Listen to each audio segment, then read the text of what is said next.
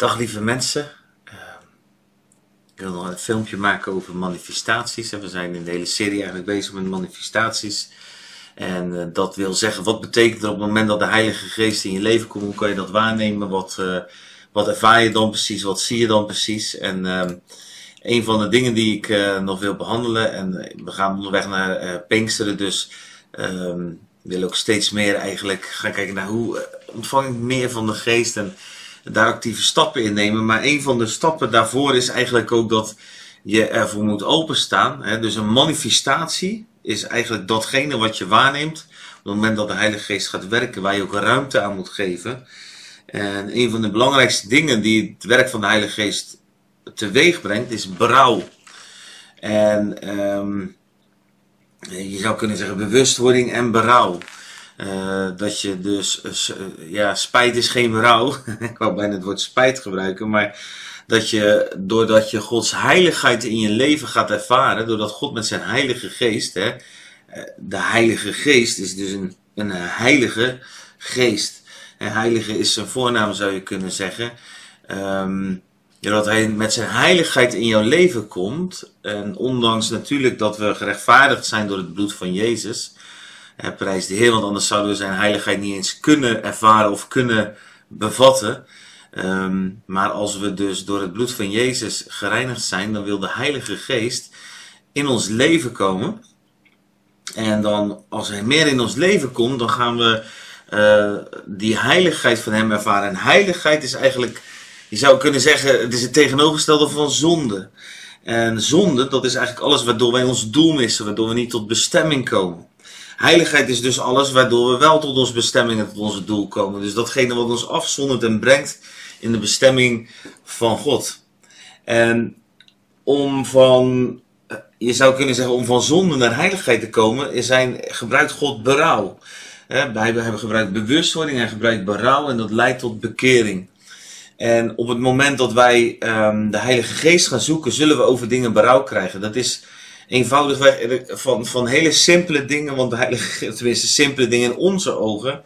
Maar voor de Heilige Geest zijn dingen niet, niet simpel. God, de Heilige Geest is juist ontzettend gevoelig ook voor uh, de dingen die wij soms klein achten. Of waarvan wij denken, nou, uh, is dat nou zo belangrijk of is dat nou zo essentieel? voor de Heilige Geest zijn heel veel dingen essentieel. Dus hoe meer Hij in je leven gaat komen, hoe meer je ook zal merken dat er een gevoeligheid ontstaat ook voor, um, ja, voor dat wat jou niet tot jouw bestemming leidt. Of dat wat jou en anderen schade brengt. Zonde.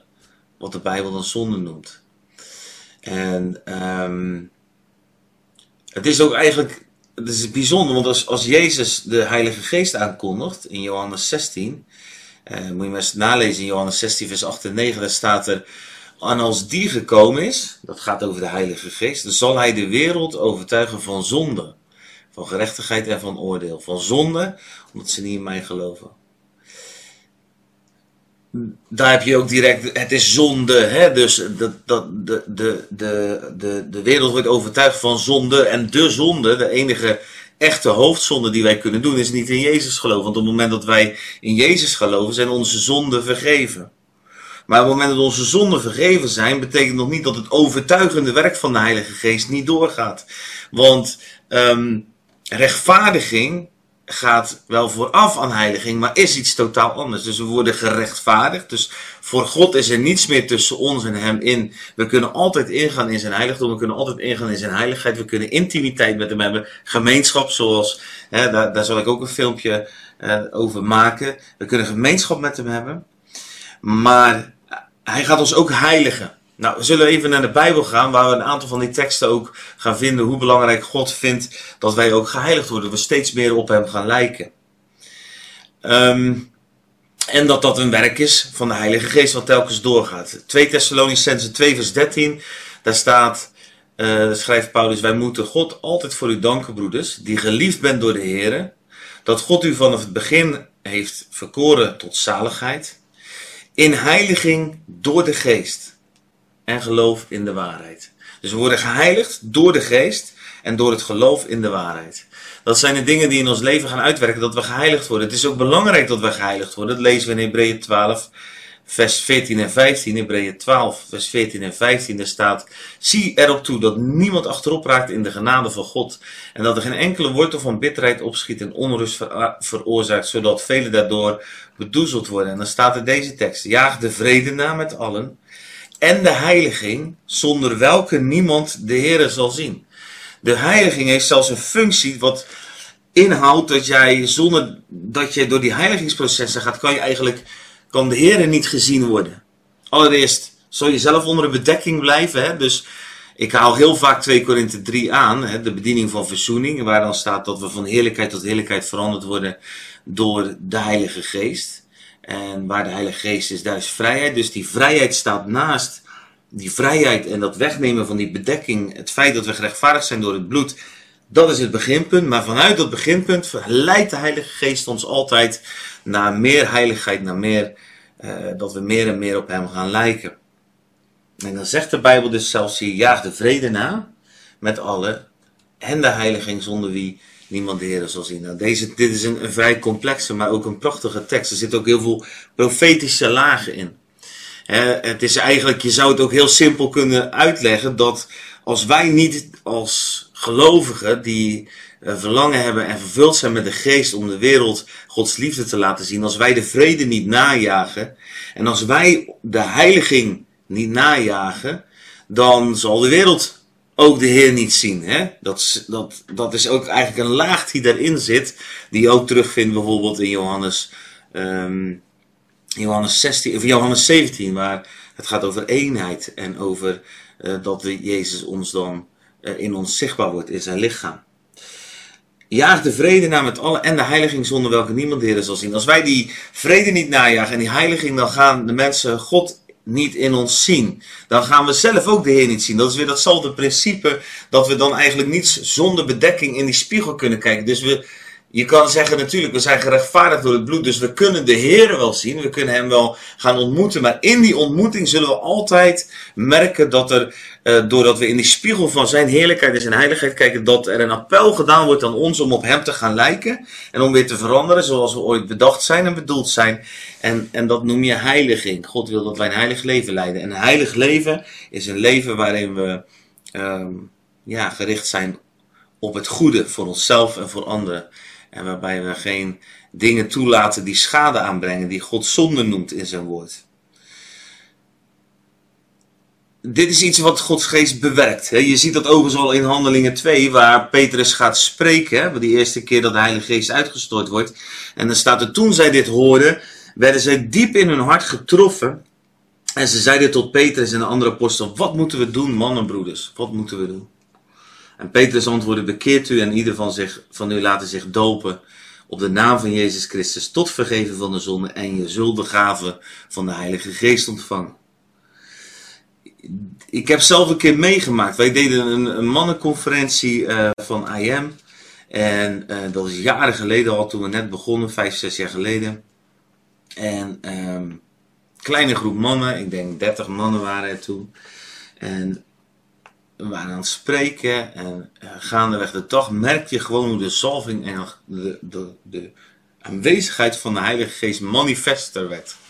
En, en, op een bepaald moment kwam de Heilige Geest zo dichtbij dat er uh, gewoon daadwerkelijk een berouw ontstond. Een besef, een berouw van een besef van hoezeer er verdriet is van God ook over de pijn. En in dit geval ging dat ook over, over mannen die gewoon dingen deden waar ze zoveel schade mee aanrichten. En, en op een bepaald moment kwamen de mannen huilend naar voren. Ik zal dat moment niet vaak meer vergeten. Ik heb dat overigens ook nog wel vaker meegemaakt later. Dat is ook hoe de Heilige Geest uh, in onze bediening soms ook werkt. Dat we gewoon tijdens het spreken, tijdens uh, het bedienen, dat gewoon de Heilige Geest komt. En die komt gewoon en die brengt mensen zelf, laat die ze zien wat er aan de hand is in hun leven. En dan, ja, dan gaan mensen huilen of ze gaan roepen naar God. Het is heel indrukwekkend als je dat meemaakt. Het is heel mooi, omdat het ook een enorme puurheid heeft. Net als in Handelingen 2, dat ze zeggen, wat moeten we doen mannen, broeders?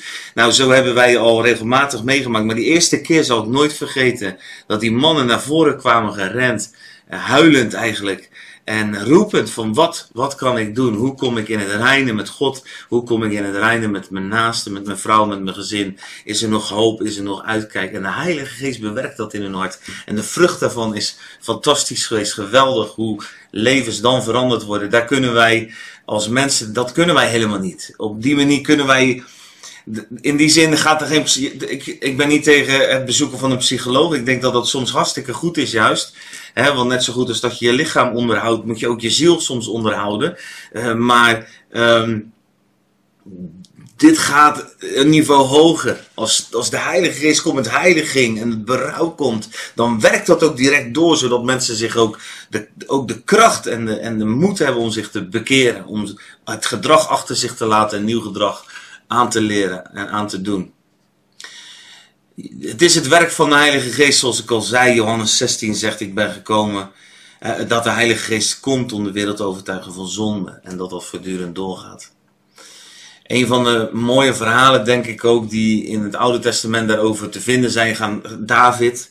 David is een Nieuw-Testamentische gelovige, zou je kunnen zeggen, in het Oude Testament. Eh, al de kenmerken van een Nieuw-Testamentische gelovige.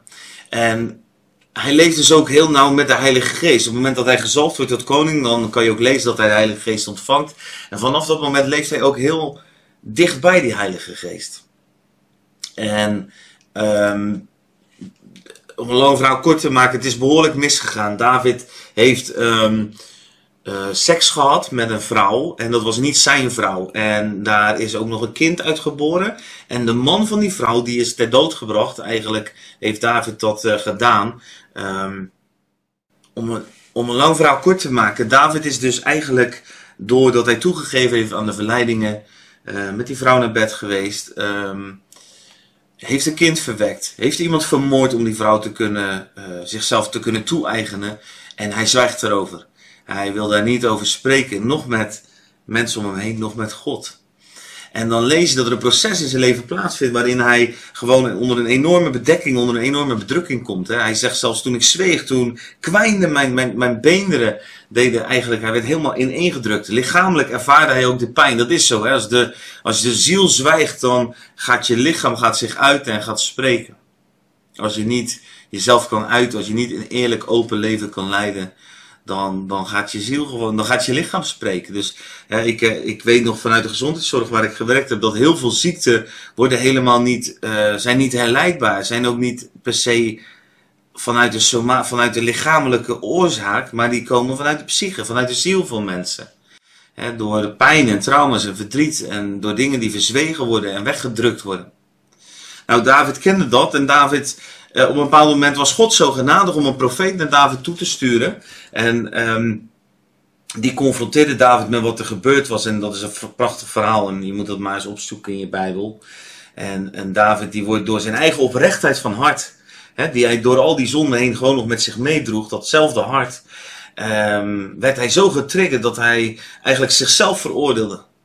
En dan lees je in Psalm 51, en dan moet ik natuurlijk heen, want anders gaat het te lang duren. Ik vind het altijd een heel prachtig verhaal ook, omdat het ook, ja, zo ook, ook deels ook mijn eigen leven zo daaraan verwant is geraakt. Dat ik zoveel moed en, en hulp daaruit gehad heb dat dit verhaal in de Bijbel staat. Um, omdat David zich met al zijn oprechtheid weer wendt naar God toe. En dan als de profeet Nathan geweest is, dan schrijft hij Psalm 51. En dan moet je maar eens doorlezen vandaag. En dan staat er, verberg uw aangezicht voor mijn zonde, delg mijn ongerechtigheid uit. Ontzondig mij met hyssop en ik zal rein zijn, was mij en ik zal witter zijn dan sneeuw. Doe mij vreugde en blijdschap horen. Laat mijn benen zich verheugen die u verbrijzeld hebt. Verwerp mij niet van uw aangezicht en neem uw heilige geest niet van mij. Weg. Geef mij de vreugde over uw heil terug. Ondersteun mij met de geest van vrijmoedigheid. En dan gaat hij verder en dan gaat hij ook vertellen hoe zijn mond weer de lof zal zingen. Dus er was iets in zijn leven gebeurd in die tijd. Doordat hij dingen verzweeg. Doordat hij ging hij gewoon onder een juk gebukt. En dat, dat zie je ook. Zijn vreugde is eigenlijk weg. Hij, hij voelt zich niet meer in connectie met God. Hij is niet meer vrijmoedig. Uh, dat zijn alle dingen die hij opnoemt. Zijn blijdschap is weg. Hij, hij, hij, hij brengt de, de lof van God niet meer vanuit het hart. En dat is hoe het werkt. En dan, dan eindigt hij en dan zegt hij, Heer, u schept geen behagen in offers, maar uw offers zijn een gebroken geest en een verbrijzeld en een verslagen hart, zult u, o God, niet verachten. Daar komt dat berouw. David is in berouw gekomen. Die berouw zet de poort van zijn leven en zijn hart wagenwijd open voor de genade van God. En, en dan zie je ook die revival plaatsvinden in zijn leven. Dat hij opnieuw gaat lopen in de weg van God. En dat, dat de zegen weer naar hem toe komt. En dat hij weer kan gaan leven vanuit vreugde. En nog vele grote dingen doet ook voor het koninkrijk waar hij over regeert. Ik denk dat dit verhaal sprekend is voor heel veel levens. En misschien niet in de mate dat jij gezondigd hebt zoals David gezondigd hebt. Maar waar spreekt de Heilige Geest soms over heiligheid? En waar laat je dat soms ook eigenlijk als het ware voorbij schieten? Laat je dat even los. En ik wil je aanmoedigen vandaag. En ik geloof dat God nu al aan het spreken is. Want dat kan niet anders. Want zo werkt de Heilige Geest altijd door onze bediening heen. En ik geloof dat hij dat ook, dat krijg ik ook regelmatig terug, gelukkig. Dat hij dat ook doet als we een filmpje opnemen. Dat hij op die manier ook bij jou aan het werk gaat. Want hij werkt niet op ons, maar hij werkt op zijn woord. En dit is het woord van God. En het woord van God roept jou eigenlijk in berouw, roept jou tot de heiliging. God wil dat jij een leven leidt zoals je gemaakt bent, zoals je bedoeld bent. En, en in deze, um, in dit filmpje wil ik je daarom ook die uitdaging meegeven. Dat je naar God toe gaat uitspreken dat je rein wil worden voor zijn aangezicht. Dat hij jou mag witwassen, dat hij jou mag, mag, mag vormen, kneden, vullen. Dat hij dat met jou mag doen. Weet je dat er in Hebreeën 12 staat, is een prachtige tekst. En nou, eigenlijk is het helemaal een mooie tekst, zou je kunnen zeggen. Maar het is ook zo mooi. Daar staat, als u de bestraffing verdraagt, behandelt God u als kinderen. Want welk kind is het dat niet door zijn vader bestraft wordt? Maar als u zonder bestraffing bent, waar alle deel aan hebben gekregen, bent u een bastijd en geen kind. Hebreeën 12, vers 7 tot 8. En dat is zo waar, want als wij als vaders, als je, als je, een, kind, als je een kind bent en je ouders hebben je nooit bestraft, dan, dan, dan heb je helemaal geen grenzen geleerd. Je hebt eigenlijk niets geleerd wat je nodig hebt om een vreugdevol en een blij leven te leiden. Je bent eigenlijk volledig op jezelf gericht geraakt. En dat is eigenlijk niet gezond. En God zegt hier ook gewoon, als jij mijn kind bent, dan wil ik je op die manier ook als het ware vormen, kneden, vullen. Ik wil met jou handelen zoals ik met mijn geliefde kinderen omga. En dat betekent ook dat ik je soms terecht wijst. En ik geloof dat, dat je die vraag ook naar God mag uitroepen vandaag. Van Heer, laat mij zien waar ik u tegenwerk. Laat mij zien welke dingen zijn er in mijn leven waar ik u soms nog mee bedroef of tegenwerkt. Of waarmee ik u soms eigenlijk gewoon op een afstand houd. Wat, wat zijn er voor dingen in mijn leven waardoor u niet volledig uzelf kwijt kent. En help mij om in berouw te komen. En ik wil daarvoor een gebed met je bidden. En um, mijn vrouw en ik hebben heel lang een bevrijdingscursus gegeven. En uh, daar was dit een van de meest essentiële gebeden die wij baden. Dus ik, ik zoek die ook even op. Um, ik geloof dat God ook, ja, berouw is de manier van God om jouw geweten te herstellen en te reinigen, je bewustzijn te reinigen. Berouw is ook Gods manier om ons nederig van hart te maken. En dat is een houding die heel kostbaar is voor God, een sieraad. En het creëert voor God hele vruchtbare grond in ons leven. Bij berouw hoort ook verdriet. Hè? Dus dat is onderdeel.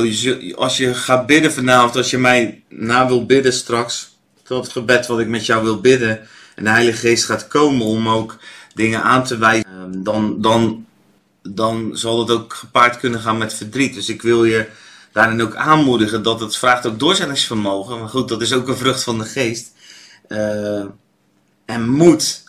Maar dat is ook wat de Heilige Geest je wil geven. Dus je krijgt van de Heilige Geest wat je nodig hebt om door de processen te gaan waarin de Heilige Geest je krachtiger en mooier gaat maken.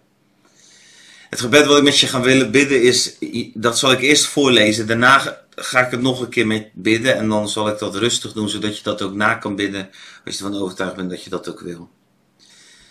Ja, ik kies voor berouw. Heer, maak mij nederig voor u. Ik kies voor een houding van nederigheid en openheid voor u, Heilige Geest. Ik wil mijn gevoelens, mijn emoties, mijn denken, mijn diepste innerlijk wil ik aan u overgeven.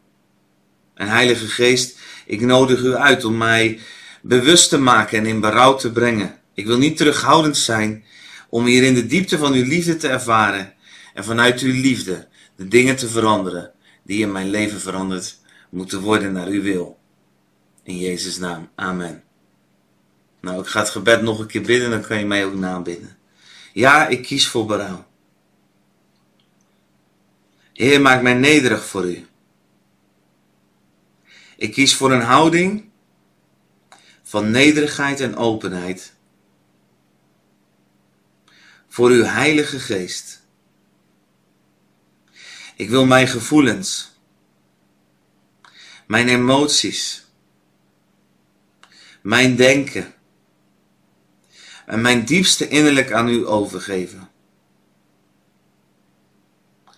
Heilige Geest, ik nodig u uit om mij in bewustwording en berouw te brengen.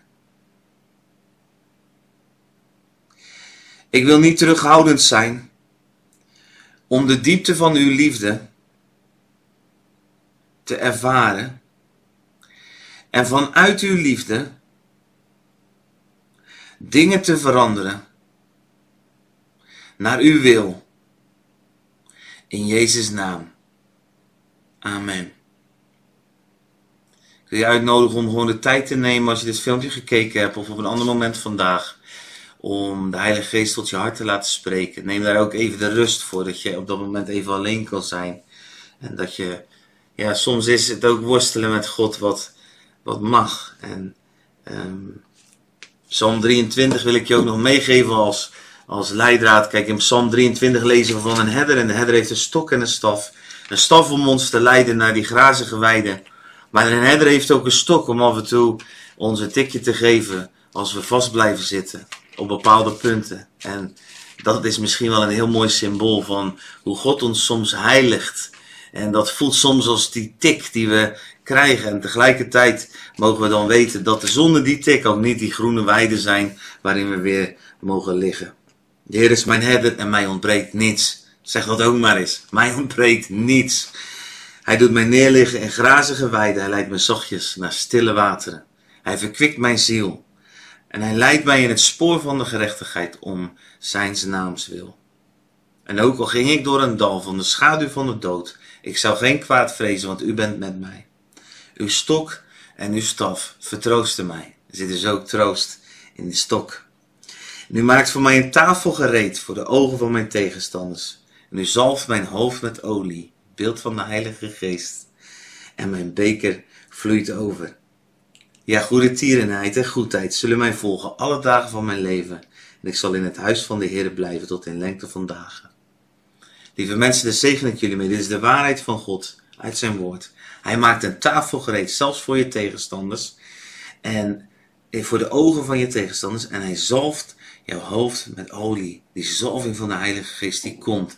Maar dat is ook het antwoord op het moment dat wij ons laten leiden en dat we ook ruimte geven aan Hem om ons soms in berouw te brengen en dingen echt te veranderen in ons leven. Zegen je in de naam van Jezus.